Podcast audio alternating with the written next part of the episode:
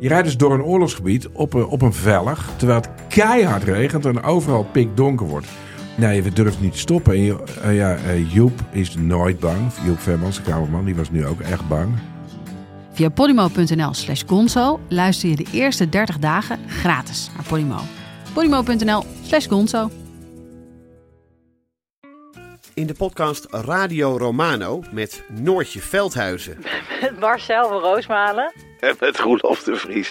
brengen we alle drie elke week een zogenaamde signalering mee. Wat heb jij nou weer bij je? En aan het eind bepalen we wie de winnaar van de week is. Echt een angstcultuur aan het Lege worden. huls die je er bent? Ja, dat gaat eigenlijk altijd onvriendelijk. Luister nu naar Radio Romano bij Podimo. Via podimo.nl slash Radio Romano luister je 30 dagen gratis. Ik heb echt wel wat beters te doen vandaag dan mij met eh, deze flauwekul bezig te houden. En bovendien regent het. Dit is Betrouwbare Bronnen met Jaap Jansen.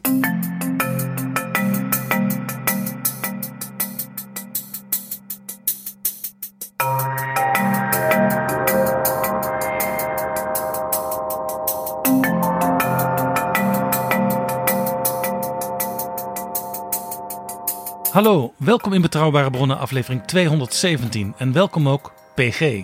Dag Jaap. Zouden die negen fractievoorzitters dat woensdag nou ook hebben gezegd? Dag Johan. Denk het niet. Ik zag verschillende deelnemers aan de formatie de afgelopen tijd eh, met een box binnenkomen bij Johan Remkes. En sommigen met een wat afgemeten glimlachje. En vervolgens gingen ze zitten. Ik ga iets heel gek zeggen, Jaap. Ik denk dat er een verschil is in dat opzicht tussen bijvoorbeeld een wijs staatsman als Herman Tjenk Willink en Johan Remkes. Ze zijn allemaal stiekem een beetje bang voor Johan Remkes. We gaan het hebben over de kabinetsformatie. Maar laat ik eerst even de nieuwe vrienden van de show welkom heten. Mensen die met een donatie deze podcast mede mogelijk maken. En dat zijn de afgelopen dagen Christian, Jeroen, Leo, Jan-Simon, Andries en Joris. Ontzettend bedankt voor die gift. Dan kunnen we weer door. Dit is Betrouwbare Bronnen. PG, aan het begin van deze aflevering hoorden we even heel kort Johan Remkes, die wat korzelig aan de dag begon afgelopen woensdag. Hij stond voor de ingang van dat hele grote gebouw, het logement van Amsterdam, op het plein in Den Haag, waar de formatie op dit moment plaatsvindt. En het klonk niet of hij er veel zin in had die dag. Johan Remkes is natuurlijk ook een heel goed acteur. Dat die wolk begon te regenen. Dat kwam hem goed uit. Hij wou als het ware de sfeer daarmee al zetten. Zo van, als jullie mij buiten al zo eh, eh, kortaf, een beetje op het randje van blafferig eh, ja, horen. Dan kunnen jullie ongeveer wel bedenken hoe het binnen zal gaan. Dan wordt het daar niet gezellig. En daar heb ik ook helemaal geen zin in om het gezellig te maken. Nee, en sommigen kwamen nog wel vrolijk binnen. Bijvoorbeeld Sigrid Kaag, die liep tegen een paaltje aan. Tot ik tegen de palen oploop. Ja, ja, ja. Alle blokkades opgeheven, er is er toch nog één. Bij PG, het duurde heel lang. Ze hebben daar vijf, bijna zes uur binnen gezeten bij Johan Remkes. Met negen partijen, waarvan enkele ook heel klein. De kleinste, eh, Liane Den Haan van de fractie Den Haan, voormalig 50PLUS. En dus ook kleinere fracties in de Kamer die dus constructief hadden meegestemd met de opdracht van Remkes. Ja, dat was en die dus nog nooit op die manier in die gesprekken bij, erbij geweest waren. Dat gold ook voor Volt. Ja. En ook voor de SGP. Ja, want de uitnodiging was inderdaad gegaan naar de partijen die de motie Rutte hadden gesteund, die de opdracht voor Remkes verwoorden. Plus twee partijen die die opdracht niet hadden gesteund in de Kamer, die motie. Partij van de Arbeid en GroenLinks. En de andere partijen die hadden gezegd, nou wij vinden dat allemaal niks wat die Remkes zou gaan doen. Die zei hij, ja dan ga ik u niet vragen om mij bij te staan in de uitvoering van die motie. Hè, in het overleg. Dus het was een beetje merkwaardig dat bepaalde eh, partijen zoals eh, de BBB-partij ook nog beledigd ging zitten toen het ze niet waren uitgenodigd. Ja, en ook Omtzigt vroeg zich af, waarom ben ik niet uitgenodigd? Omdat natuurlijk Omtzigt op dat moment als lid van de CDA-fractie werd vervangen door Henri Bontenbal. En die had dus braaf, en zoals het hoort, meegestemd met zijn collega's van de CDA-fractie. Ja, en Remkes die dacht natuurlijk ook, ja, als ik Omtzigt uitnodig, dan wordt de vergadering eerst weer verdaagd. Want Omtzigt wil eerst alle stukken lezen van alles wat er tot nu toe besproken is. Omtzigt komt in elk geval binnen met een memorandum met 26 vragen en 17 bijlagen. Er is in een paar dagen heel veel gebeurd. Remkes is best een eind gekomen. Er zijn natuurlijk wel eens lastige momenten, maar ik word niet zo snel moedeloos. Eerst zat de formatie muur vast, met blokkades over en weer. En donderdagmiddag bleken opeens drie blokkades opgeheven, kwam Remkes vertellen. In de eerste plaats een blokkade van de zijde van D66 in de richting van ChristenUnie. In de tweede plaats een blokkade vanuit de ChristenUnie. En in de derde plaats een blokkade van CDA en VVD in de richting van die extra parlementaire deelname van bewindspersonen uit bijvoorbeeld de kring van uh, GroenLinks en de Partij van de Arbeid. Remkes ging uitgebreid in op de mogelijkheid dat andere partijen dan de vier die een coalitie proberen te vormen, meepraten over het financieel kader, de belastingen, de bestuurscultuur en onderdelen van het regeringsprogramma. En dat is precies zoals het kabinet en Uil in de jaren 70 verbonden was met twee Kamerfracties en met drie een lossere verhouding had. Die drie lossere partners leverden wel bewindslieden. En Remkes sluit niet uit dat dit nu ook gaat gebeuren. Dat maakt Rutte 4 misschien deels een extra parlementair kabinet. En daarom gaan we het later in deze aflevering uitgebreid daarover hebben. Over welke vormen van extra parlementair er zijn. En waarom juist die Den Uil variant nu zo aantrekkelijk zou kunnen zijn. Overigens distancieerden Lilianne Ploemen en Jesse Klaver, de leiders van Partij van de Arbeid en GroenLinks, zich vrijwel meteen nadat Remkes in zijn persconferentie was uitgesproken van dat idee van het eventuele leveren van ministers. Maar je weet maar nooit. De formatie is immers nog lang niet ten einde. Ik geloof dat, dat Herman Tjeng Willing wel eens gezegd heeft: formeren is, uh, is faseren.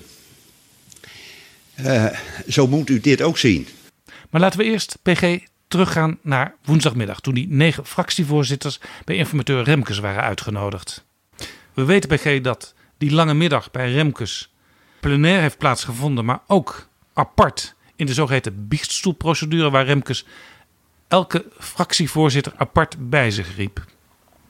En ja, vanuit de historie, Jaap, eh, ging mijn hart natuurlijk sneller kloppen.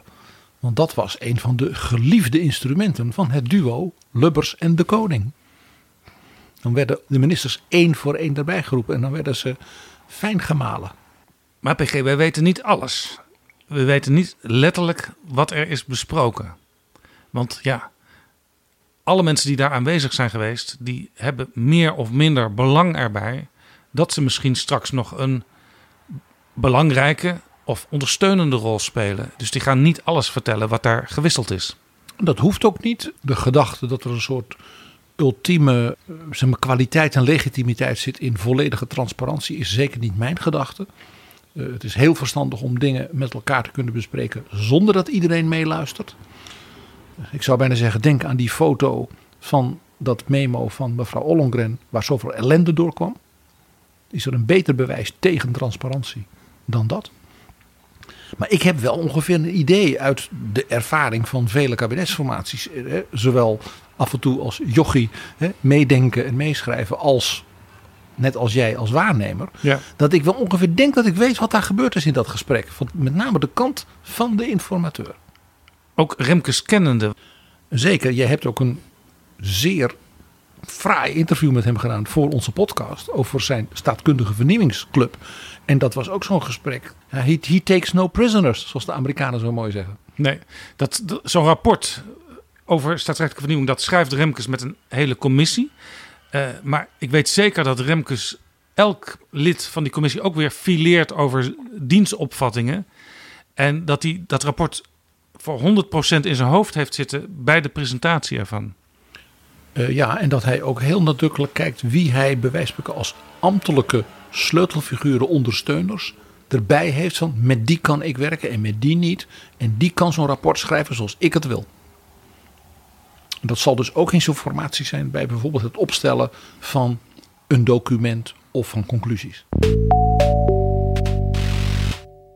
Laten we even kijken naar wat we wel weten, PG. Remkes zat aan een rechthoekige tafel. Allemaal tafels die tegen elkaar aan waren gezet. Met eh, oranje bloemen in het midden tussen de tafels. Met tegenover hem vier fractievoorzitters. Van links naar rechts Laurens Dassen van Volt, Jesse Klaver van GroenLinks, Bob Hoekstra van het CDA en Kees van der Staaij van de SGP. Een heel fraai viertal voor de liefhebbers om over na te denken. En dan op rechts, dus eigenlijk in de dwars, aan de dwarstafel, Gert-Jan Segers samen met Sigrid Kaag, ChristenUnie en D66 verenigd. Weer zo'n mooi duo. En dan naast Remkes aan zijn rechterhand Liane Den Haan van de fractie Den Haan. En aan zijn linkerhand Mark Rutte van de VVD. En naast Mark Rutte weer Lilianne Ploemen van de Partij van de Arbeid. Ook dat weer een prachtig duo. En mevrouw Den Haan, voormalig 50 plus, was dus de enige die geen duo vormde. Ja, en helemaal aan de andere kant, maar dat kun je op de foto's in de kranten niet zien, want uh, die mensen sneaken altijd even weg als er foto's worden genomen. De twee secretarissen van de kabinetsformatie, die normaal gesproken op algemene zaken een hoge functie hebben. Zij zaten daar. Remkes neemt het woord. Wat zou Remkes gezegd kunnen hebben? Jaap, ik vermoed het volgende. Hij heeft ze eerst als collectief toegesproken. Want dit waren dus de fracties die hem hadden gesteund dat hij dit werk ging doen. En na Cenk Willink en na Mariette Hamer was het dus niet zo van nou dat is een eitje. Nee, Hamer moest constateren het lukt niet om vertrouwen te vinden voor een meerderheidsvorming. Hoewel de inhoud daar wel naar wijst. Dus de conclusie was dan moet meneer Remkes maar een minderheid gaan zitten bedenken.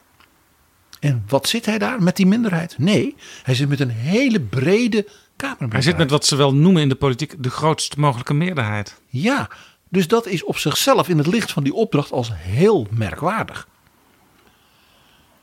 Dus ik denk dat hij begonnen is met hen uit te leggen waarom zit u hier. Dat was ook het punt bij binnengaan voor een aantal fractievoorzitters. Ik weet eigenlijk niet waarom ik uitgenodigd ben. Zodra ik weet wat de bedoeling is van de informateur en van de onderhandelende partijen, ja, dan kan ik mijn mening geven over wat hier staat te gebeuren. Die vraag werd trouwens ook aan Mark Rutte gesteld. En die zei: Ja, ik weet wel ongeveer waarom ik uitgenodigd ben. Dat is ook goed dat iemand als Rutte met zijn positie en ervaring wel ongeveer weet wat hij doet. Ja. ja. Maar goed, hij had dus een openingsverhaal, Remkes. Ja. En ik denk dat hij die fractievoorzitters, partijleiders, want zo zitten ze daar, de mantel uitgeveegd heeft. Ongeveer zo. U zit hier, want u heeft mij een opdracht gegeven. U, niet ik.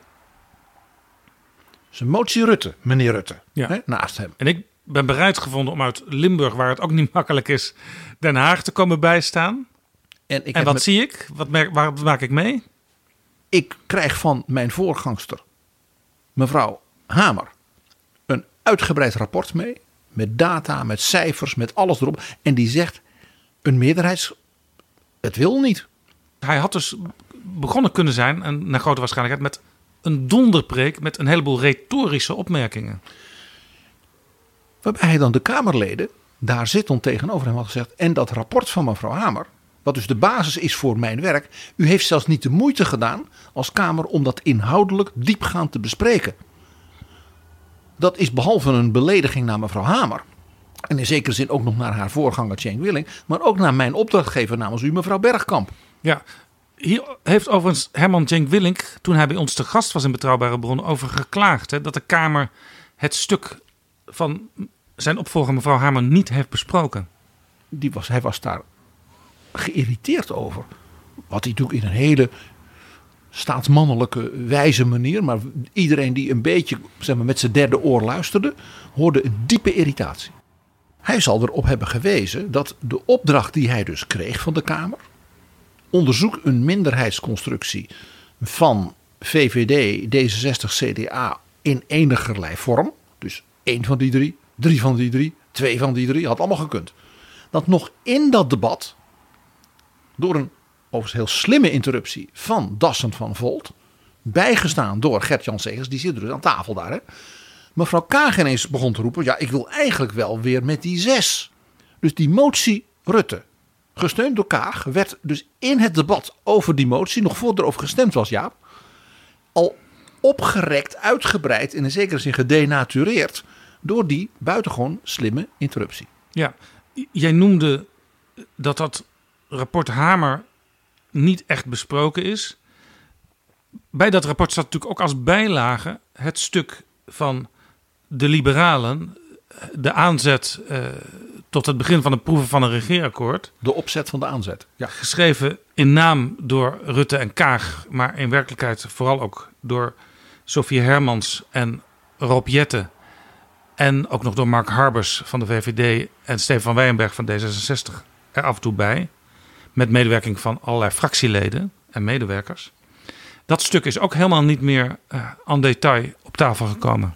Nou, mevrouw Hamer had dat dus een integraal onderdeel en dus niet toevallig. Want dat was op haar initiatief gebeurd. En dus meegestuurd. En had daarbij ook nog in haar verslag gezegd dat stuk had een zeer positieve werking op de inhoudelijkheid van het gesprek.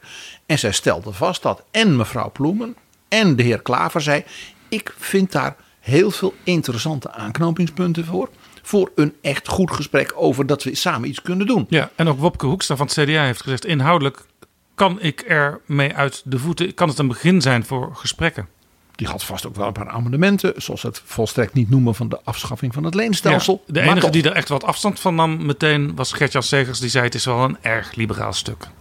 En dat was weer te begrijpen gelet op hoe hij behandeld was vanuit die kring. Maar hij zei niet, ik verwerp dit. Dat was al heel wat. Dus dat stuk had voor dat minderheidskabinet met die twee grote liberale winnaars het aanknopingspunt kunnen en moeten zijn voor Remkes. En die stelt vast, de Kamer heeft het niet eens besproken op de inhoud. Hij stelde nog iets vast. Het was nota bene de aanvoerder van de grootste van die liberalen, de VVD, Mark Rutte, die op Prinsjesdag zomaar eens roept: ja, nou, maar dat zomerstuk, hè, zal ik maar zeggen, van Sophie en Rob. Ja, maar dat was helemaal niet bedoeld om samen eens daarover te praten en dan te kijken of je het daarover eens kunt worden. Dat was dus een soort bezigheidstherapie geweest. Dat was natuurlijk ook weer een affront aan ten eerste informateur Hamer. Die dus met haar ser, met haar mensen, met heel veel materiaal, met heel veel kennis, met cijfers als daar een soort beginnend regeerakkoord mogelijk had gemaakt. Zij zei daar dit over deze week in Nieuwsuur. Nou, ik heb met uh, hun... Sofie Hermans, ja, ja, ik heb met hun twee, en Mark Harbus en Steven van Wijnberg... natuurlijk de hele zomer gewerkt. Iedereen zegt dat we vakantie hadden, maar we hebben eigenlijk de hele zomer doorgewerkt. Hamer die dat nog eens even onderstreept, hè, dus PG. En in het debat, de algemene beschouwingen, stelde Rob Jetten daar ook een vraag over aan Mark Rutte. En die zei toen dit. Het is niet zo dat dit een soort core regeerakkoord is, een motorblok van VVD en D66, waar andere partijen zich dan bij moeten gaan aansluiten. Maar ik kan CDA of ChristenUnie of GroenLinks of Partij van de Arbeid of wie er ook verder aanschuift, niet dwingen om te zeggen, hier begin ik. Die zullen waarschijnlijk allemaal zeggen, uh, zullen we opnieuw beginnen. De heer Jetten. Ja, voorzitter, het is natuurlijk een, een prachtig stuk geworden. Laten we dat het wel wezen. Uh, onze, be onze, belofte aan, aan Nederland. Ja. En iedereen die erop wil intekenen, laten we het doen. Dan kunnen we beginnen met die coalitieonderhandelingen. Maar ik heb, dat gewoon, ik heb dat gewoon te kort door de bocht geformuleerd. Dat was in een interview met krantenjournalisten na uh, Prinsjesdag. Ik zag het ook later terug. Ik had die afspraak, avond ook een afspraak met mevrouw Kaag, die ook één wenkbrauw optrok. En laten we er niet omheen draaien. Dit was dus niet alleen een affront aan de informateur. Die nota bene door Rutte was gevraagd, mevrouw Hamer, dit te doen. Het was natuurlijk ook een affront aan in elk geval collega Jetten, zoals het dan heet, die namens die andere liberale partij de hele zomer zijn stinkende best had gedaan om ervoor te zorgen dat er een goed stuk zou liggen. Dus dat Rob Jetten, uh, zei het wat ingetogen, maar met een lichte irritatie in de stem, die vraag stelt aan Rutte, dat snap ik wel. We zijn nog steeds bij Johan Remkes met die negen fractievoorzitters op woensdag. En die zal dus daar gezegd hebben. En ik heb de vorige week nog iets genoteerd. Terwijl ik moest soebatten. Ja? Om dat gesprek met die drie partijen. Uw opdracht, hè, dames en heren. Voor de minderheidscoalitie. Moest er een week worden gewacht. Want uh, iemand moest naar New York. En we hadden de algemene beschouwingen. En wat gebeurt daar? Daar gaat mevrouw Sophie Hermans rond die algemene beschouwingen met allerlei van u hier aan tafel hè, zitten dealen. En daar blijkt uit precies wat mevrouw Hamer had opgeschreven: dat vanuit de inhoud, de lange termijn, de grote vraagstukken van Nederland, je er prima uitkomt. Om vervolgens bij mij weer te melden: nou, er gebeurt niks. Dus ik denk dat Johan Remkes heeft gezegd: van, en zo zijn wij niet met elkaar getrouwd, om er even zo te zeggen. U geeft mij een opdracht en u maakt het onmogelijk, ook door alle dingen buiten deze tafel van onderhandelingen om te doen, dat ik hier iets goeds van kan maken. Wat wilt u nu? Wilt u dat ik met u tot iets kom? Of wilt u dat ik nog heden mijn ontslag neem? Met andere woorden, Remkes voelt dus dat hij zich geconfronteerd weet met de flauwekul waar hij geen zin in had. Zoals hij aan het begin van zijn formatieopdracht zei. En vandaar, Jaap, dat was de interpretatie voor mij om te denken: wat zou die nou, hè, wat jij zei, als Filippica aan het begin van dat overleg met die negen hebben gezegd. Namelijk, ik definieer even die flauwekul waar u verantwoordelijk voor bent en waar ik geen zin in heb. En dat had natuurlijk een hele heldere conclusie. Namelijk, dat meerderheidskabinet, waar mevrouw Hamer zo hard aan gewerkt heeft, op grond van het werk van Cenk Willink, dan heb je het niet over de minste in Nederland. Dat kon dus niet. Een minderheidskabinet, daarvan moet ik vaststellen dat dat dus ook niet kan, blijkbaar. Ja, wat wilt u nou? Want één ding, u kunt er één factor in de Nederlandse staatsrecht dit niet verwijten, en dat is de kiezer. De kiezer heeft gedaan wat hij moest doen. En de kiezer is geen oproepkracht, zei Cenk Willink al in betrouwbare bronnen? Dus tegen de kiezer zeggen, nou ja, doet u het maar. Dat, hè, dat is in lijn met wat Cenk zegt, een schande. En ik zeg als historicus dan, dit is van die fractieleiders wat ik noem Weimar-gedrag. De Republiek van Weimar in het interbellum in Duitsland. Waarin dus de partijen voortdurend wegliepen voor de noodzaak om met elkaar, ook tegen extreme flanken, zeg maar, het land Duitsland, de, die nieuwe Democratische Republiek, bij elkaar te houden. Ook in een grote economische crisis. Het is een tijd waarin communisten sterk waren, waarin de nazi-partij opkwam. En waarin de partijen uit het midden dus niet met elkaar door één deur wilden. Voortdurend reiskanslers, zoals in die tijd, ten val kwamen. En uiteindelijk het dus de gelegenheid was voor de nieuwe president, oud-generaal von Hindenburg, om op basis van decreten zowel kabinetten samenstellen als kabinetten naar huis te sturen, als zeg maar stemmingen in het parlement in feite opzij te schuiven. En daarmee begon natuurlijk de, zeg maar, een, zowel een autoriteitsverlies van de democratie, als natuurlijk opmars van autoritair regeren. En uh, in feite ook dat de militairen de feitelijke macht ja, in handen hadden bij een hoogbejaarde generaal. En daarmee was de opmerking van mevrouw Hamer en overigens ook van Cenk Willing bij ons. In dat Kamerdebat toen over haar verslag. En nu ook onlangs in Nieuwsuur. Dat zij zich echt bezorgd maakt over de parlementaire democratie. Uh, uh, niet zonder reden. De vergelijking met Weimar is heel hard, PG. Ja, hij is vooral historisch. Het is niet bedoeld als een aanklacht. Het is meer bedoeld als van kijk nou hoe je bezig bent. Want het gaat er dus om dat partijen, of ze nou grote winnaar zijn of zetels hebben verloren, en of ze nou links, rechts of midden zijn, eigenlijk weigeren om de hand naar elkaar uit te steken om verantwoordelijkheid te nemen voor de regering van het land. Ja, en je zult mij vergeven dat ik dan eerst naar de winnaars kijk. Want je springt juichend op een tafel en je roept: We zijn weer de grootste. Om dan vervolgens niet te leveren. Want het eerste wat je dan zou toch kunnen verwachten is dat je zegt: laten wij als partijen die zelfs in Europa in dezelfde partijfamilie zitten, van de liberalen, hè, met Emmanuel Macron en met de Duitse FDP die zo'n mooie uitslag had hè, bij de verkiezingen. Maar ook zo'n pro-Europese, ruimdenkend liberale partij als Volt, die toch ook een echte winnaar bij de verkiezingen is. Van 0 naar 3. Ja, nou drie zetels, dan tel je mee in een versplinterd parlement. Het enige nationale parlement in Europa waar ze zetels hebben, want ze zitten wel in het Europees parlement, maar bijvoorbeeld niet in het Duitse parlement, terwijl die partij toch ontsproten is in Duitsland. Ze haalden nog geen 0,5 procent. Hetgeen dus een extra groot compliment is, zeg ik er meteen bij. Ik bedoel dat dus zeker niet cynisch aan Dassen en zijn vrienden voor wat zij in Nederland gepresteerd Maar jij hebben. zegt dat brengt dus ook meteen verantwoordelijkheid met zich Maar mee. natuurlijk, Jaap. Zoals dat op die, die, die tafel springen van Sigrid Kaag ook betekent step up to the plate, girl. ja, en de verantwoordelijkheid van Mark Rutte na zoveel jaar premier en je wint opnieuw de verkiezingen, je gaat zelfs nog een zeteltje vooruit, je bent weer de grootste. Dat betekent niet dat je minder, dat je, ja, je mag ook even feest vieren hoor. Maar dan betekent dat je de ochtend daarna nog meer verantwoordelijkheid hebt. En als je dat dus niet doet, zie die opmerking over dat zomer- zomerstuk. Ja, was helemaal niet bedoeld om er samen uit te komen. Ik zeg ook, zie ook Volt dat voortdurend roept. Ja, wij zijn maar jong, wij zijn nog niet, wij kunnen nog niet. Nee, je bent een pro-Europese club. Zeg nou gewoon, wij willen een pro-Europees Nederland. Dan hebben wij de volgende drie voorstellen voor. Ik hoorde deze week bij Sven Kokkelman op Radio 1 oud-informateur Jacques Wallage. En die zei: Wat mij het meest geërgerd heeft aan deze formatie is zichtbaar gebrek aan leiderschap.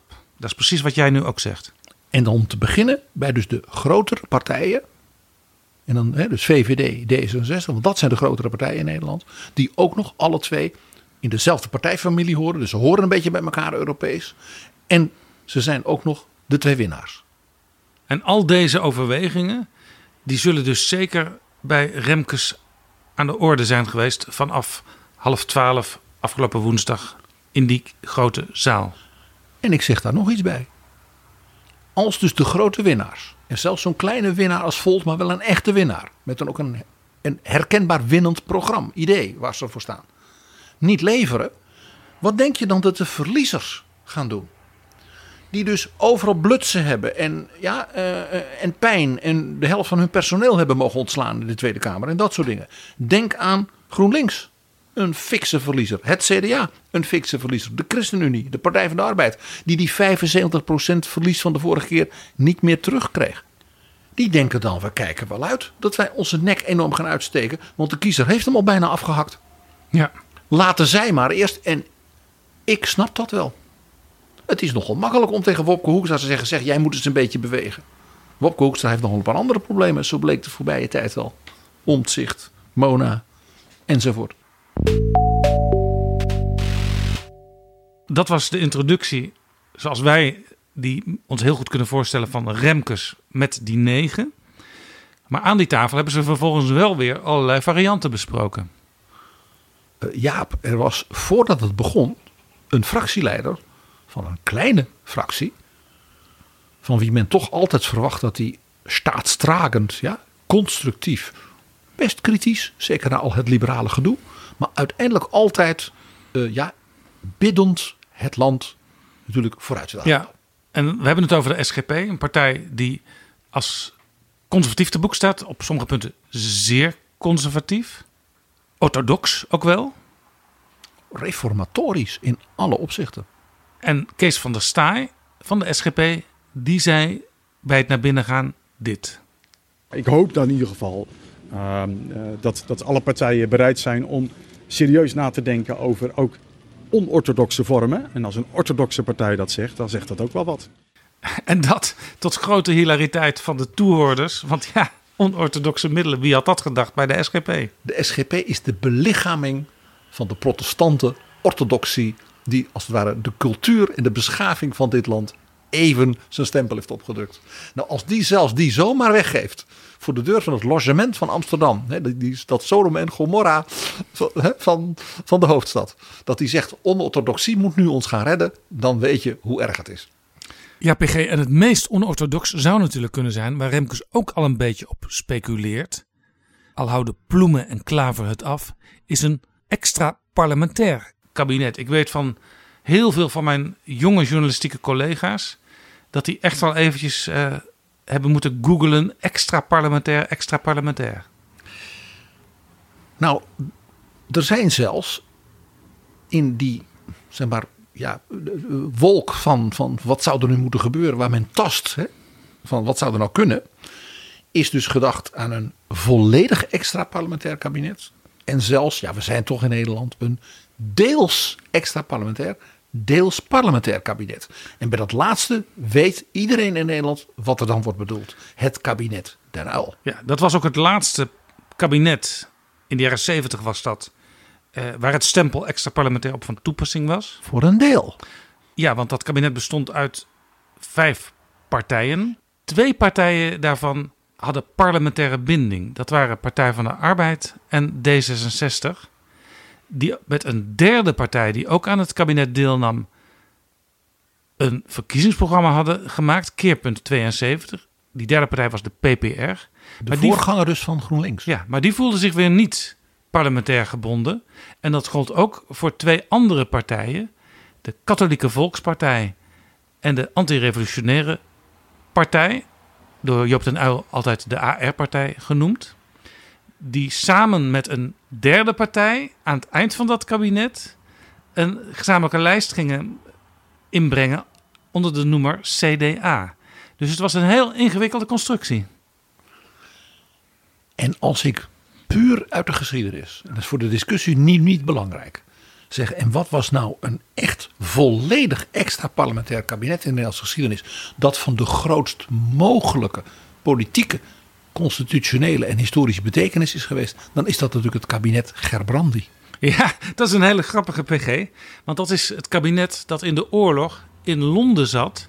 En toen was er natuurlijk helemaal geen functionerend democratisch parlement. Nee, en dat kabinet was aangetreden als asielzoekers, letterlijk, net als de koningin en Engelandvaarders. haar gezin, bij koning George en premier Churchill.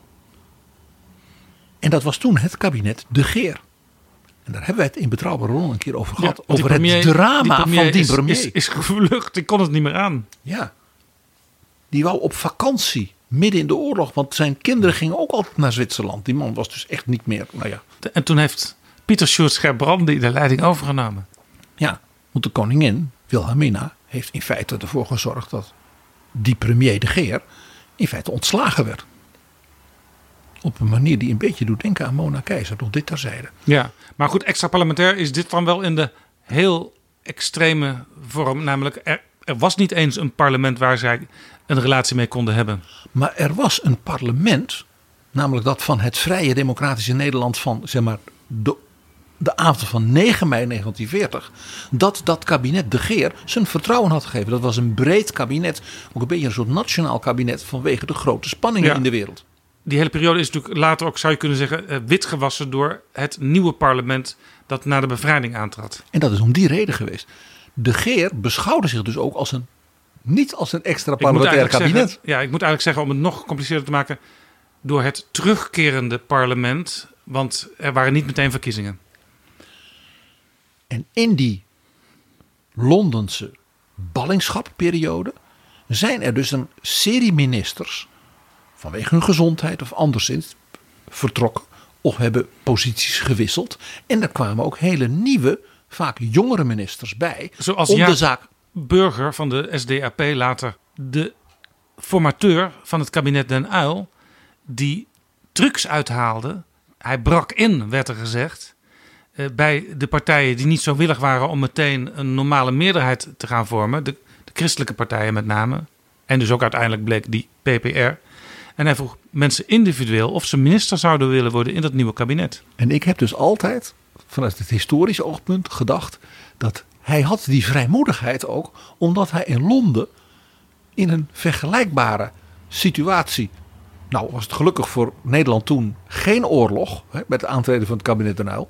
Maar wel een volkomen onmogelijke situatie met een politiek helemaal vastgelopen toestand. Ja. En, en, en, en Burger had zoiets van, nou ja, dat heb ik wel meer meegemaakt. Het was ook iemand die qua karakter en zelfs qua, qua uitingen nogal leek op Johan Remkes. Burger werd ook minister toen dat kabinet daar al in Londen zat. En hij is op een gegeven moment ook nog weer ontslagen in die periode. Want hij had een dispuut met andere ministers over hoe je in het bevrijde zuiden van Nederland NSB'ers moest aanpakken. Of dat eh, van, van dik hout zaag met planken moest gaan. Of dat je toch nog een beetje menselijke verhoudingen moest, moest handhaven. En, en ja, Burger was iemand die met collega's, dus ook in een kabinet en ook in een fractie en ook anderszins, eh, niet te beroerd was om een robbertje te vechten. Het was echt een beetje een Johan Remkes type, maar dan zeg maar van de rode hoek. Ja, en in die tijd natuurlijk in de oorlog werd ook gedacht, ja, eh, als we mensen hebben met een beetje brains en balls, dan willen we die graag in het team hebben. En dat maakt eigenlijk niet uit wat hun politieke achtergrond is. En daarin herken je dus zeg maar de min of meer extra parlementaire situatie van dat kabinet Gebrandi. Waarbij Gebrandi dus altijd en terecht zei, maar mijn kabinet is het kabinet dat in mei 1940 democratisch gegrondvest. Het land regeerde in deze grote spanningstijden en dat doen we nog. Dus die democratische grondvesting, die wordt niet weggenomen doordat die Seizenkwart alle Kamerleden, ja, die dus niet zijn gevlucht, als het eruit getrapt heeft. PG, extra parlementair, dat zegt dus dat het een losse band met het parlement heeft. En dat het parlement ook niet zegt van tevoren al: ja, als het niet zo goed gaat, dan sturen we jullie meteen weg. Dus dat betekent dat er tussen die ministersploeg en een, een Kamermeerderheid, dat kunnen zelfs wisselende Kamermeerderheden zijn, een relatie is van groot wederzijds respect. Als je nu naar de situatie kijkt, dan zie je dat de leidende politici het vaak ontbreekt aan groot wederzijds respect. En ik kan me dan ook voorstellen dat zo'n extra parlementair kabinet dat niet bestaat uit allerlei hoofdrolspelers die er de afgelopen tijd hebben gefigureerd. En ja, dat is voor mij meteen de reden om te zeggen dat extra parlementair kabinet gaat er dus nooit komen. En daar heb ik een heel simpel machtspolitiek aflevering 200 van Betrouwbare Bronnen machiavellistisch argument voor. Dat zou geen kabinet Rutte 4 zijn. Want een extra parlementair kabinet kan niet geleid worden door de premier van het voorgaande parlementaire kabinet. Die ook nog de politiek leider is van de win, winnende partij, de grootste partij bij de verkiezingen. Ja. Dan ben je niet extra parlementair. Nee.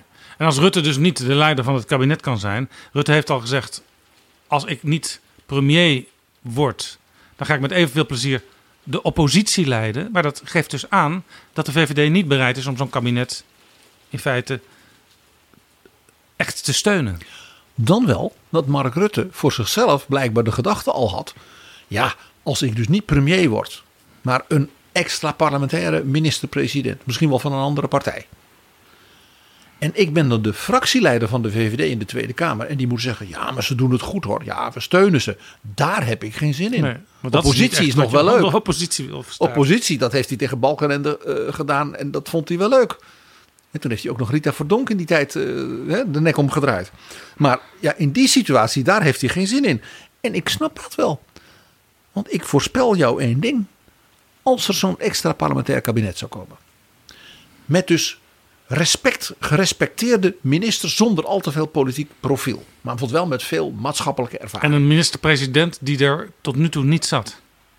Met ook veel politieke maatschappelijke ervaring. Dus veel draagvlak.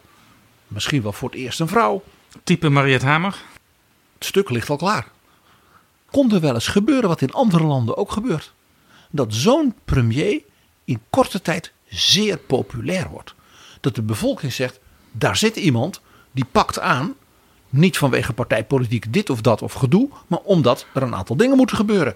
En die is besluitvaardig en die probeert het goed uit te leggen. Die bouwt ja, meerderheden in de Tweede en de Eerste Kamer. Dat zag je bijvoorbeeld nu in Italië met Mario Draghi. Dat zag je in Italië daarvoor ook bijvoorbeeld met meneer Giuseppe Conti. En natuurlijk heel sterk met Mario Monti. Die in feite gesmeekt ook door Europa het overnam toen van Silvio Berlusconi bij de volstrekte instorting bij de eurocrisis. En in België twee jaar geleden met de tot dan toe voor de meeste mensen volstrekt onbekende Sophie Wilmes, Franstalige liberaal. En bijvoorbeeld uh, Herman van Rompuy heeft ook een keer op die manier als premier moeten inspringen, zal ik maar zeggen, in zo'n situatie. En dat was grappig genoeg het moment dat hij vrij snel daarna werd gevraagd door Angela Merkel en Nicolas Sarkozy om de eerste president van de Europese Raad te worden. Omdat iedereen zei, als je in zo'n moeilijke situatie, in een land dat het financieel-economisch zo ja, zwaar heeft, het op zo'n manier doet dat iedereen zegt van, ik ben bereid voor die man wat te doen, want die doet dat wijs, die doet het verstandig, die doet het niet voor zichzelf en is besluitvaardig. Dat was voor Sarkozy en Merkel natuurlijk een enorme aanbeveling om hem op eenzelfde manier in Europa te laten functioneren. Dus je zou je kunnen voorstellen dat niet alleen de VVD, uh, maar ook D66 met Kaag en andere partijen alleen al om die reden huiver hebben voor zo'n constructie. Nou ja, kijk, ook die andere partijen geldt natuurlijk. Stel je voor dat daar een vicepremier van D66 of een vicepremier van het CDA of van GroenLinks daar wordt neergezet en de burger zegt dat is een goede vrouw, dat is een goede man. Die was nog niet zo in beeld, want die zat niet in de Kamerfractie of was niet in het vorige kabinet minister. Voor je het weet zit daar een vicepremier voor het CDA die ineens heel veel populairder is dan Wopke Hoekstra. Dat zal je toch gebeuren als partijleider en je hebt bij de verkiezingen al verloren. Dan ga je eraan. Dus dat is, het extra parlementair kabinet heeft dus grappig genoeg grote risico's voor de partijen die het officieel dan steunen. Vanwege dat zo'n kabinet ook nog een succes zou kunnen worden. Dat zag je bijvoorbeeld bij Giuseppe Conte. En dat zag je zeker ook bij Mario Monti. Dat waren trouwens ook die aantal van die mensen die jij noemt, die heel populair werden. Uh, mensen die zelf ook heel erg een stevige vinger in de pap hadden meteen als premier. Uh, over het financiële kader waarbinnen zo'n kabinet opereerde. En nu zitten we natuurlijk, Prinsjesdag is net geweest, met de begroting van het oude kabinet Rutte 3. Nou, daar zeg je wat, Jaap. Kijk, stel informateur Remkes zou zo'n extra parlementair kabinet gaan samenstellen. En die vindt, ik noem maar zo, de collegevoorzitter van een topuniversiteit, die ook nog heel veel ervaring in Europa heeft gehad, bereid om minister van Onderwijs te worden. Dan zegt hij, ja, er ligt dus nu een begroting. En die is al bij de algemene beschouwingen uh, besproken. En daar komt nog wat extra geld voor lerarensalarissen. En dat is de begroting van mevrouw van Engelshoven. Die moet u gaan uitvoeren. Nou, ik weet één ding zeker. Dan zegt hij, geef mijn portie maar aan Vicky. Dat ga ik niet doen. Of uh, voor financiën wordt aangezocht een topman van de Triodosbank, Kees Vendrik. Ik weet niet of die van een partij is, maar in ieder geval, die wordt met een losse relatie tot het parlement wordt die aangezocht. Ja, die zal ook zo zijn ideeën hebben als bankman over zo'n begroting. Of dat ze Jeroen Dijsselbloem terughalen. Zou ook kunnen. Nou, je snapt, ook daar speelt ook weer hetzelfde punt met een Dijsselbloem als voorbeeld. De kans dat die dan binnen de kortste keren, zoals vaak in Nederland als minister van Financiën, zeer hoog in aanzien is. Dat men zegt, wat goed dat Jeroen terug is. En hij kan in Europa ook meteen weer verder waar hij geweest was. Ook met de nieuwe Duitse minister van Financiën. Dat, hij weet precies hoe dat moet. Of Diederik Samsom, die inmiddels wat verder van zijn eigen Partij van de Arbeid afstaat. En in Europa veel ervaring heeft opgedaan en veel creativiteit heeft losgelaten op de vergroenings- en verduurzamingsplannen. Ja. Zo iemand is natuurlijk ook technocratisch zeer geschikt voor zo'n kabinet. En zou dan hè, uh, binnen de kortste keren honderd keer populairder kunnen zijn dan bijvoorbeeld mevrouw Ploemen. Daar zit ze vast niet op te wachten. nee, maar het, het, serieus, ja. dat punt van dat die begrotingen er ja, liggen. Dit, dit dat zou dus betekenen dat dat extra parlementair kabinet tegen de Kamer zou moeten zeggen bij de regeringsverklaring. Ja, wij komen binnen drie weken met een compleet herziene begroting. Dat, dat is natuurlijk vragen om moeilijkheden. Dus ook om die reden zie ik een dergelijke constructie niet komen. Als die komt, niet slagen. Dit is Betrouwbare Bronnen, een podcast met betrouwbare bronnen.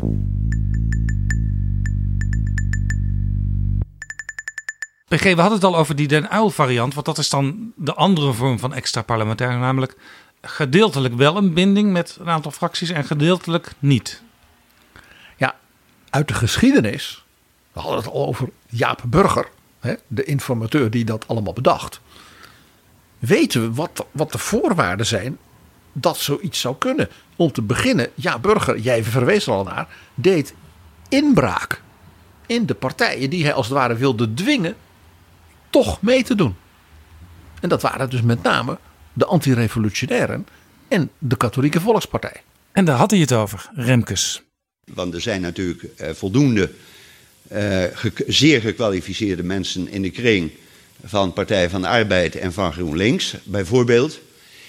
Uh, en de kernvraag is dan, als die mensen benaderd worden en zij bellen uh, in dit geval meneer Klaver of, uh, of mevrouw Ploemen. Met de vraag: raadt u ons aan of raadt u ons af om extra parlementair toe te treden tot het kabinet? Om, die, om dat antwoord op die vraag gaat het. Nou, zou Remkes inbreken in GroenLinks, de Partij van de Arbeid. Nou, het gekke was dus dat hij in het eindverslag had geschreven dat daar geen behoefte aan was bij die partijen. Maar in zijn persconferentie liet hij de mogelijkheid dus toch weer open. Uh, zou dan Bram van Ooyik als het ware de oude gaai zijn? Hè? Van toen? Of Diederik Samson uh, de Jaboersma van toen? Dat zou toch uh, iets heel apart zijn.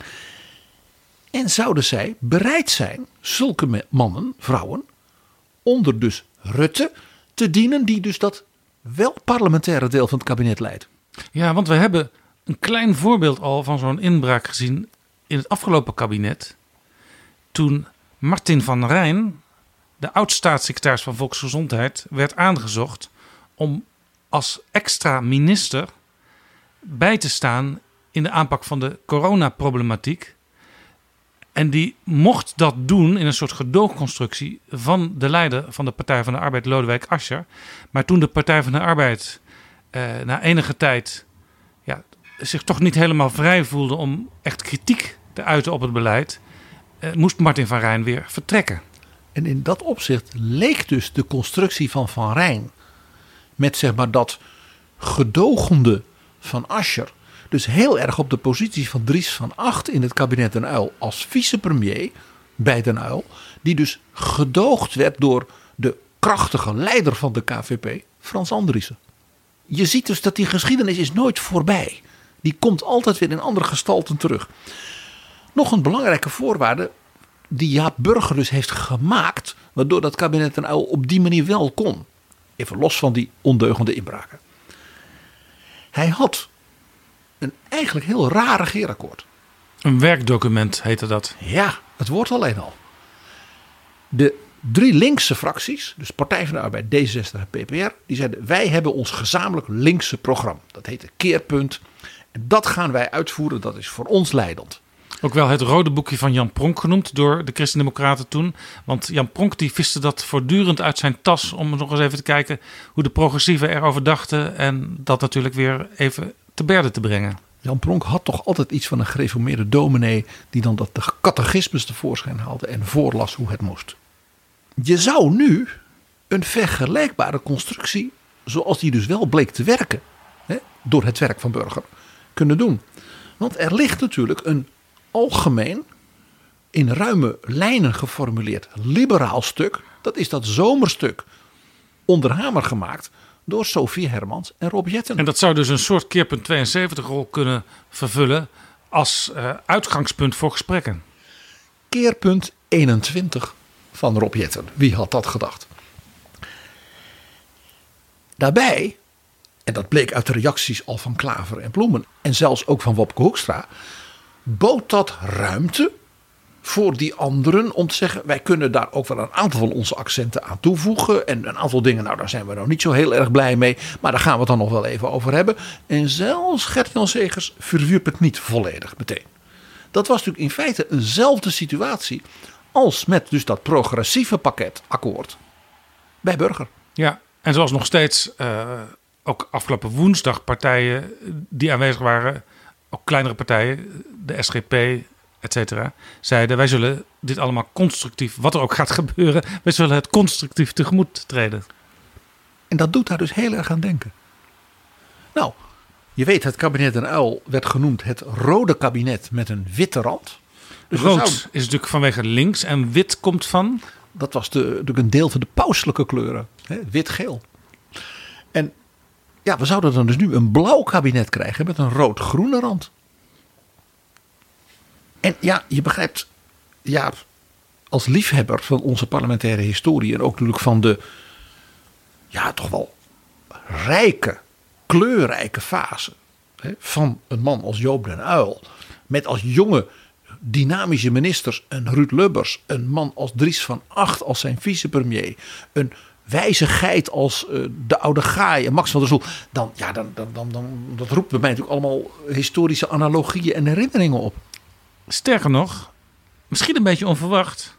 Want Mark Rutte is een control freak.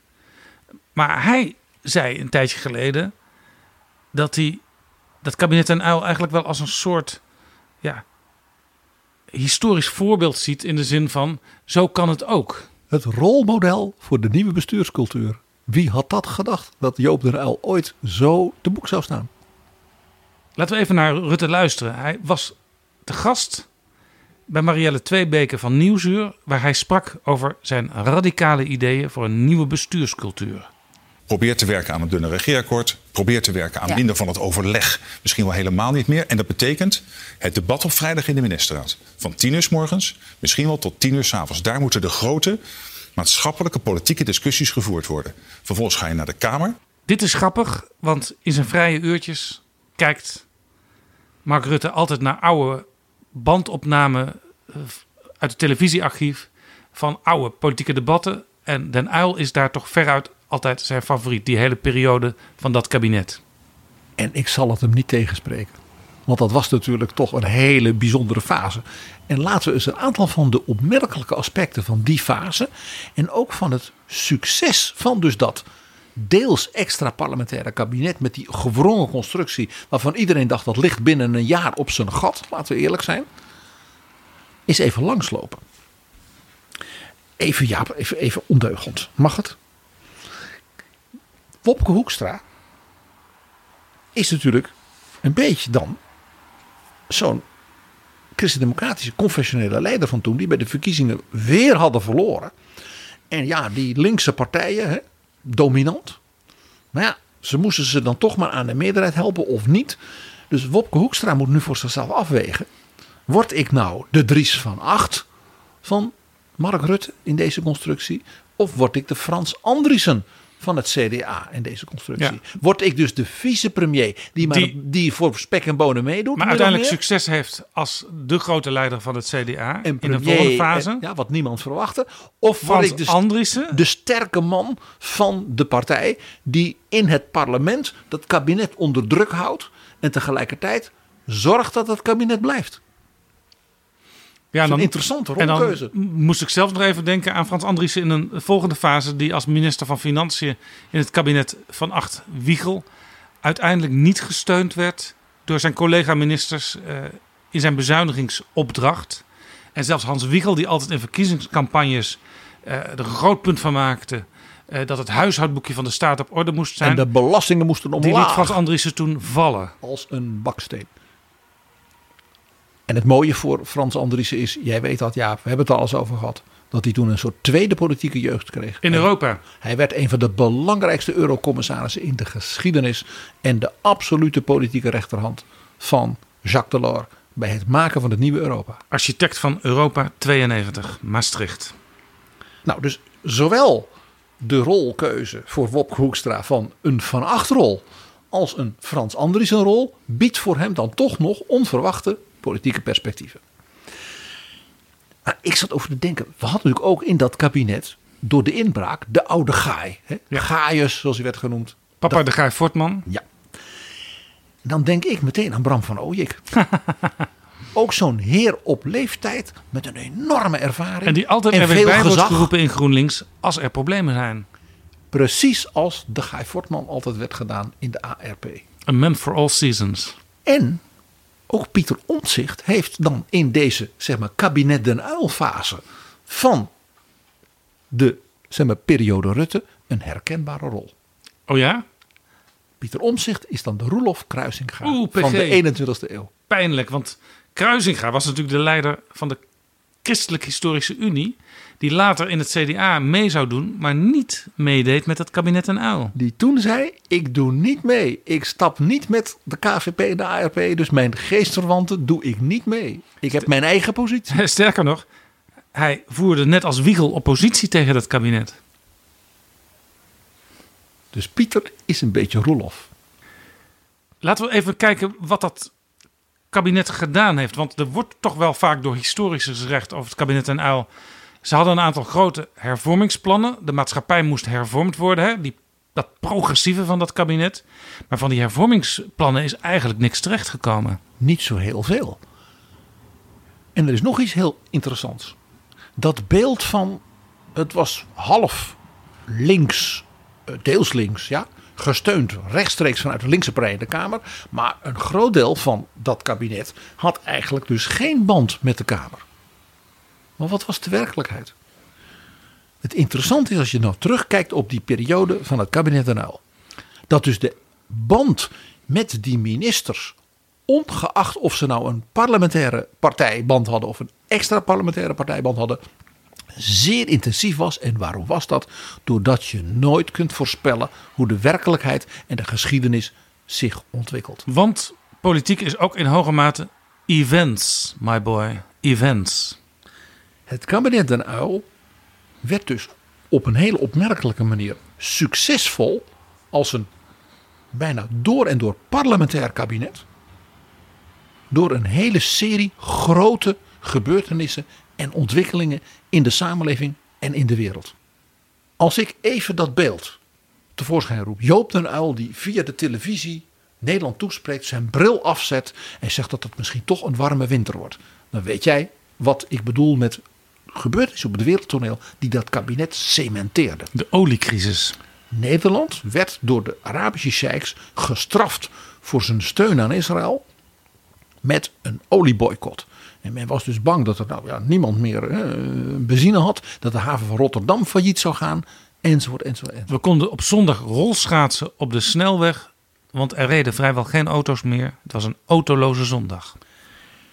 Dat betekent dus dat dat kabinet werd geconfronteerd met een internationale crisis van enorme betekenis. Waar Nederland echt het object was van dus die sheiks. Van we gaan één land uitkiezen en die gaan we straffen.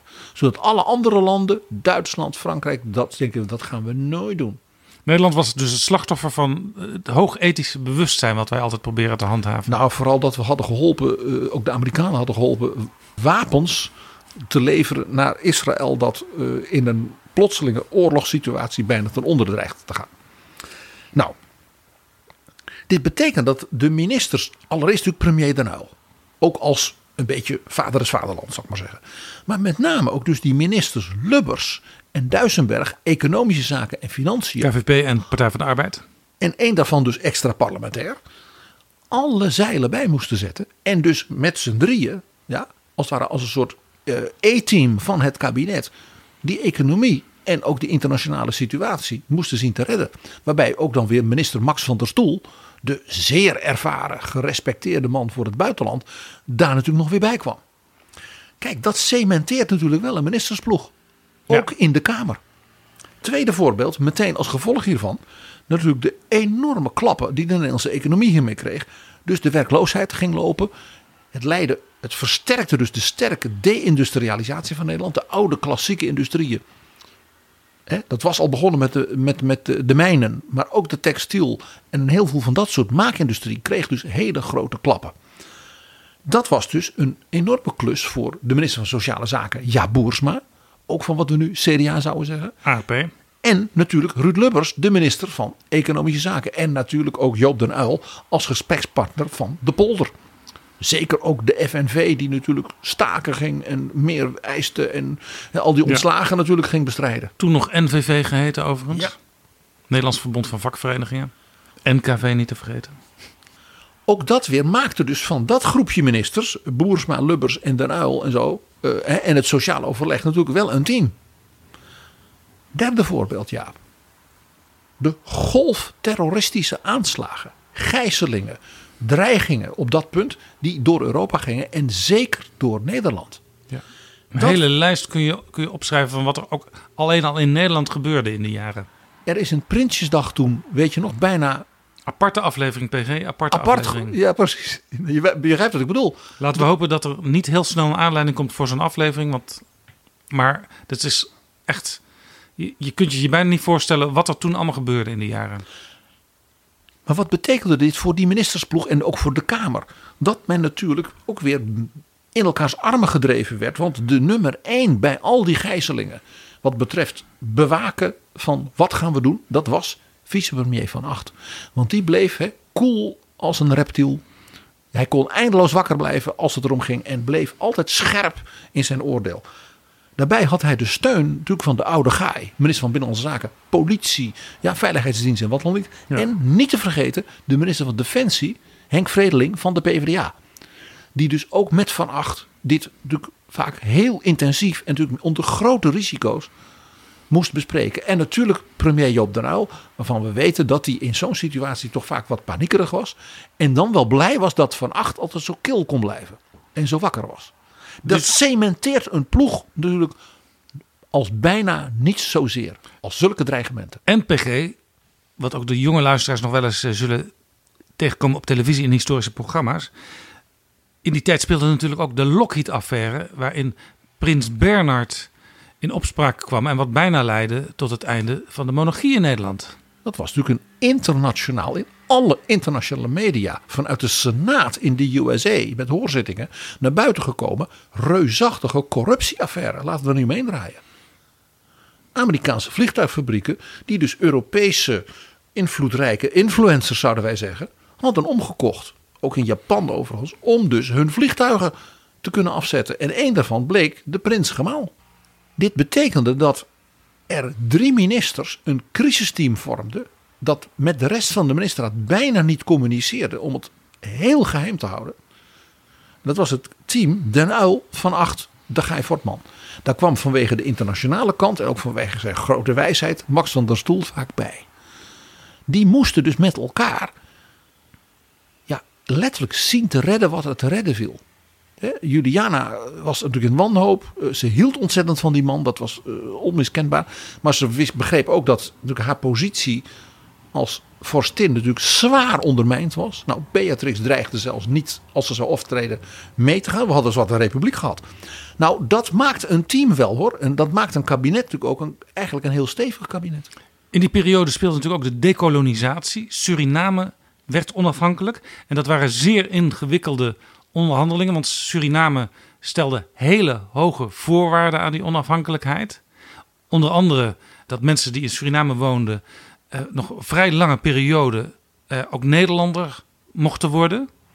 En natuurlijk heel veel eh, miljarden die ermee gemoeid waren. En dat was natuurlijk echt een nationaal iets. Een einde ja, van die eeuwen van koloniaal bewind. Op een manier dat je dus voortaan ook weer respectvol met elkaar om kunt gaan. Ja, dat hielp het kabinet ook het wijgevoel extra geven. Want er werd, was wel het idee dat daar iets heel moois gebeurde. Later hebben we daar misschien wel andere gedachten bij gehad. Maar toen dacht men, ja, dit is het, een voorbeeld van hoe je moet decoloniseren. En dat was weer een ander team in het kabinet van ministers. Je ziet voortdurend hoe dus ze als het ware aan elkaar geklonken werden in, in prestaties. Soms ook in emotie en in gevaren. In dit geval in ook een soort ideaal. Dat was De Ruil zelf zeker. Jan Pronk natuurlijk. Maar ook weer de Guy Fortman. Die als minister van Binnenlandse Zaken natuurlijk die hele zeg maar, constitutionele kant daarvan eh, moest doen.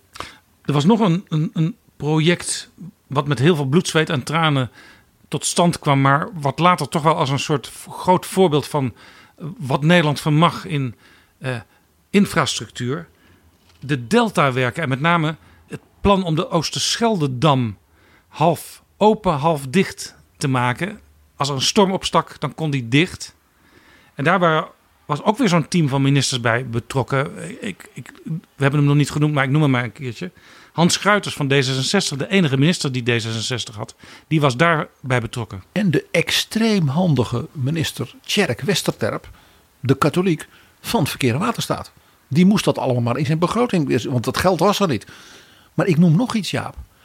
Dit kabinet heeft dus voor de infrastructuur, logistiek en ook op het gebied van technologische innovatie op dat terrein. Nederland voor de komende, nou misschien wel eeuwen bepaald. Want dat kabinet zei: we gaan de Markerwaard niet aanleggen. Het Markermeer, wat nu nog steeds nat is. Cenk Willink heeft mij wel eens verteld als hoogleraar. Ik was toen student bij hem. Weet je hoeveel van die ministers verwoed zeiler waren? En het dus eigenlijk niet voor hun geestesoog konden halen eh, dat dat water zou verdwijnen daar.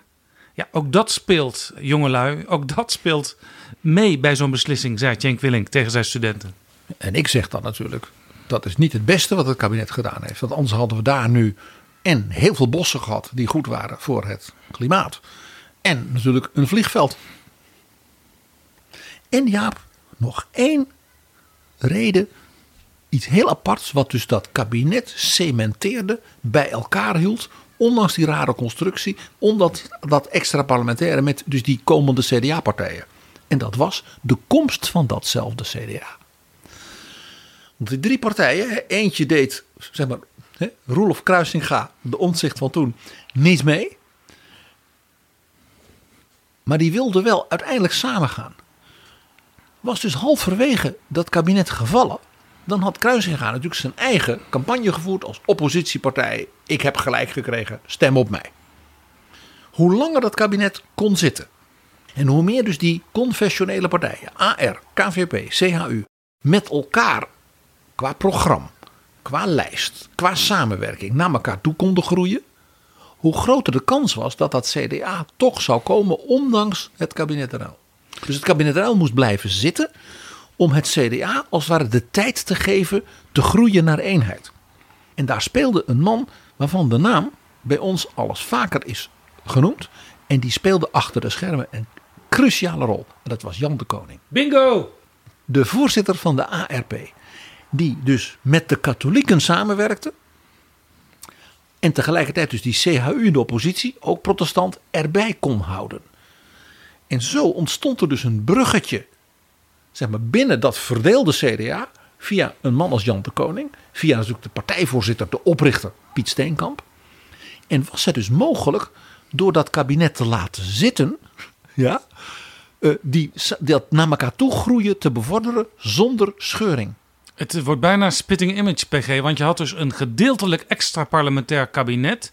Waarvan een deel ook nog een hele merkwaardige relatie had met de CHU. Die in de praktijk oppositie voerde naast Wiegel tegen dat kabinet. Ja, maar die relatie zo moest worden ingevuld dat als dat kabinet nou maar bleef zitten en dus die oppositie geen succes had, dat leidde tot succes. Spitting image, wat zeg ik? Monty Python. Dries aan Acht heeft één keer tegen mij gezegd over Lockheed.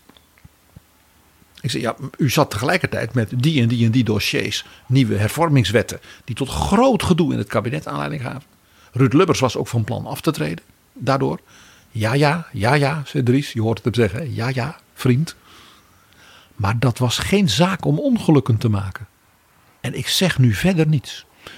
Die zei, die Lockheed-affaire, wat er toen gebeurde, dat was voor hem één, heel duidelijk. Joop den Uyl en hij hadden gezegd, alle spanningen tussen ons, ook persoonlijk en tussen onze partijen, maar wij kunnen het op geen enkele manier ons als land veroorloven een kabinetscrisis te hebben en vervroegde verkiezingen, terwijl dus de koningin met haar man in een corruptieaffaire dreigt ten onder te gaan nog een keer, dat kabinet werd dus gecementeerd door grote internationale spanningen, grote economische problemen en ook een aantal grote projecten en onverwachte, ingrijpende, ook emotionele gebeurtenissen.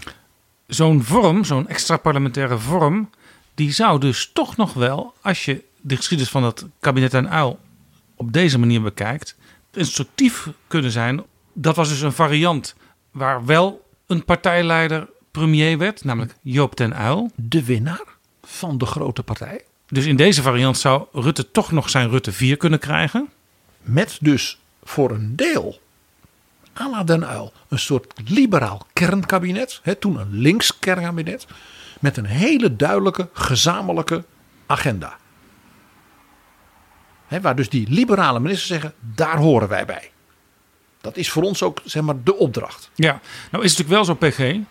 Als je naar de geschiedenis kijkt, keerpunt 72 was een verkiezingsprogramma gezamenlijk van drie partijen, waarvan een groot deel van de leden, de achterban, het idee had. Die moeten uiteindelijk één grote progressieve volkspartij gaan vormen. Eigenlijk het idee wat in kleinere vorm Partij van de Arbeid en GroenLinks op dit moment aan het ontwikkelen zijn voor zichzelf. Ja, decennia te laat dus. En dat is toch wel iets heel anders dan VVD en D66, die weliswaar allebei aan de liberale stam ontsproten zijn, of althans zich daartoe bekend hebben, want bij D66 was dat van het begin af aan niet altijd helder. Uh, en ze zitten ook samen in één Europese parlementsfractie. Maar die hebben verder toch geen enkele aandrift om ooit misschien te gaan fuseren. Nou ja, in Europa hebben ze het gedaan. Dus ze kunnen van Renew Europe naar Renew Holland. Maar ik zei ook een gezamenlijke, sterk gedreven inhoudelijke agenda. Dat hoeft niet tot fusie te leiden. PvdA en GroenLinks hadden die gezamenlijke sterke agenda niet en praten nu wel over samenwerking. Dus het kan ook andersom.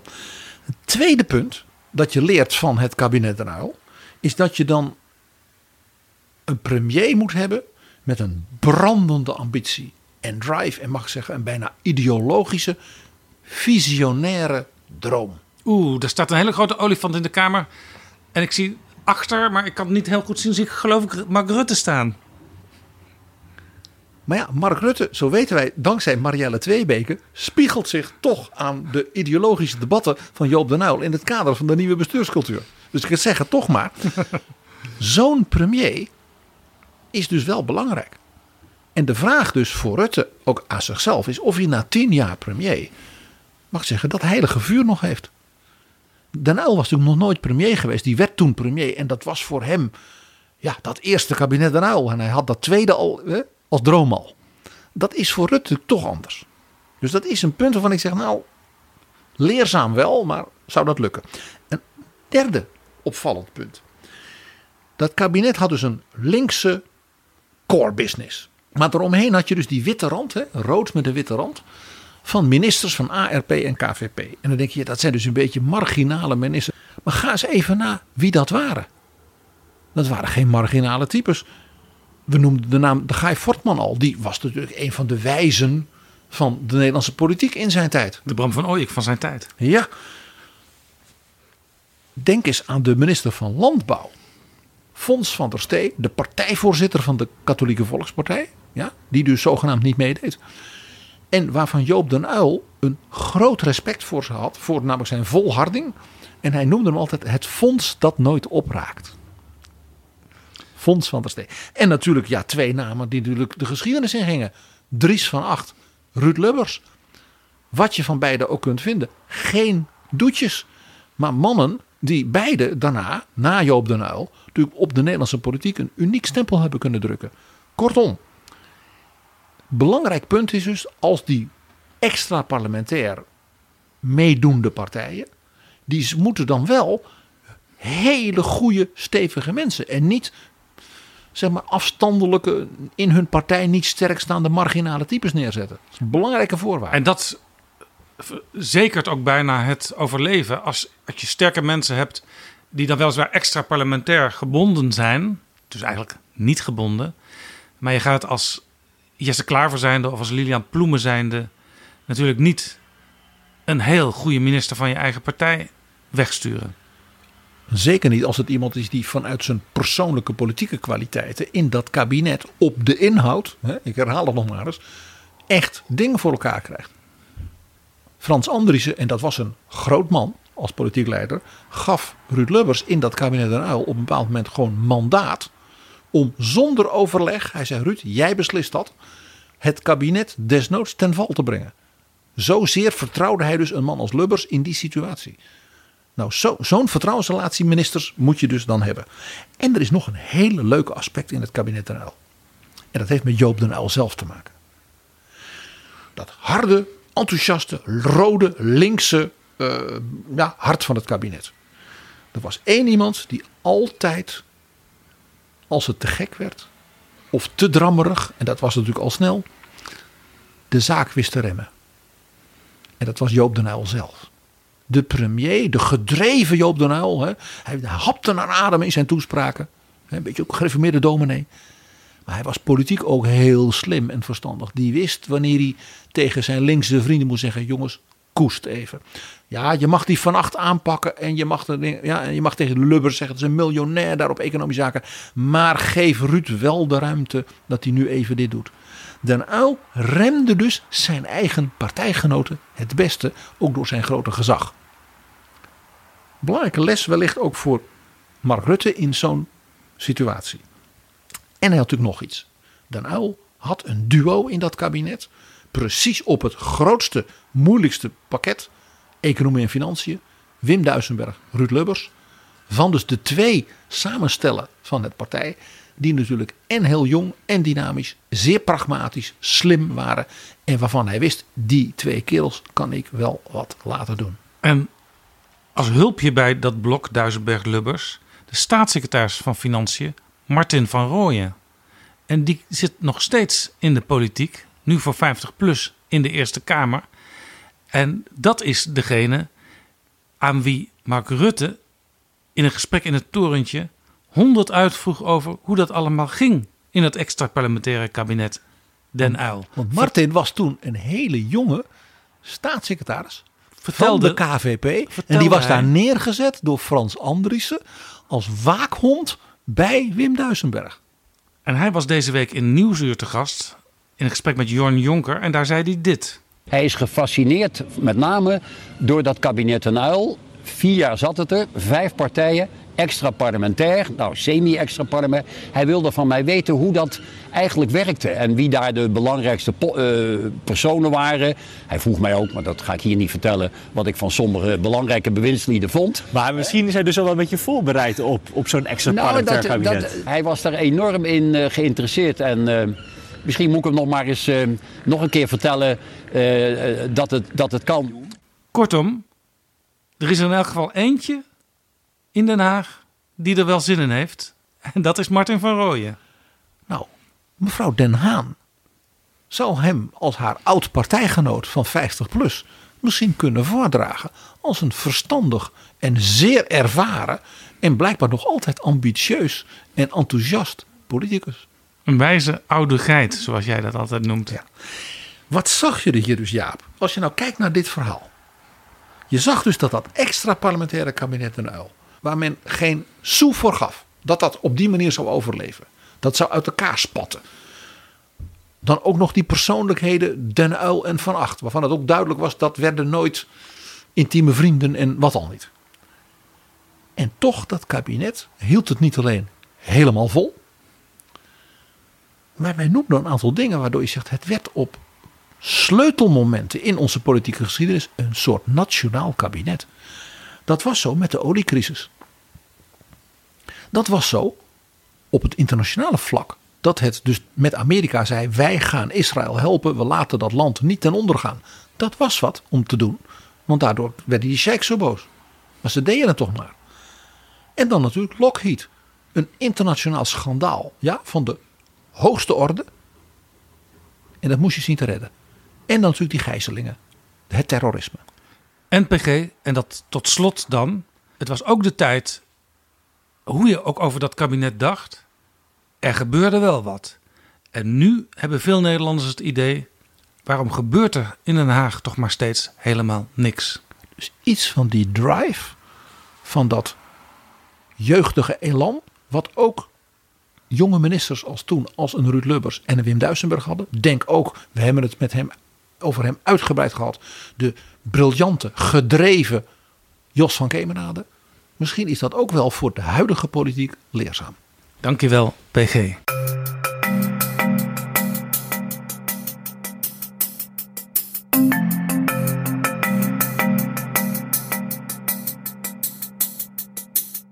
Zo, dit was Betrouwbare Bronnen aflevering 217. Deze aflevering werd mede mogelijk gemaakt door vrienden van de show. Mensen die met een donatie deze podcast mede mogelijk maken. Dank jullie wel. En wil jij Betrouwbare Bronnen ook ondersteunen? Ga dan naar vriendvandeshow.nl slash bb. Ik herhaal vriendvandeshow.nl slash bb. Bij voorbaat dank. En laten we tot slot met oud-informateur Mariette Hamer nog even stilstaan bij het belang van de parlementaire democratie. Ik heb in de Kamer gezegd bij mijn eindverslag... ik maak me echt zorgen over eigenlijk de parlementaire democratie uh, als geheel. Dus ik heb ook afgesloten met de woorden tegen de Kamerleden... allemaal, die 150 wezen zuinig op. Tot volgende keer. Betrouwbare bronnen wordt gemaakt door Jaap Jansen... in samenwerking met dag en nacht.nl.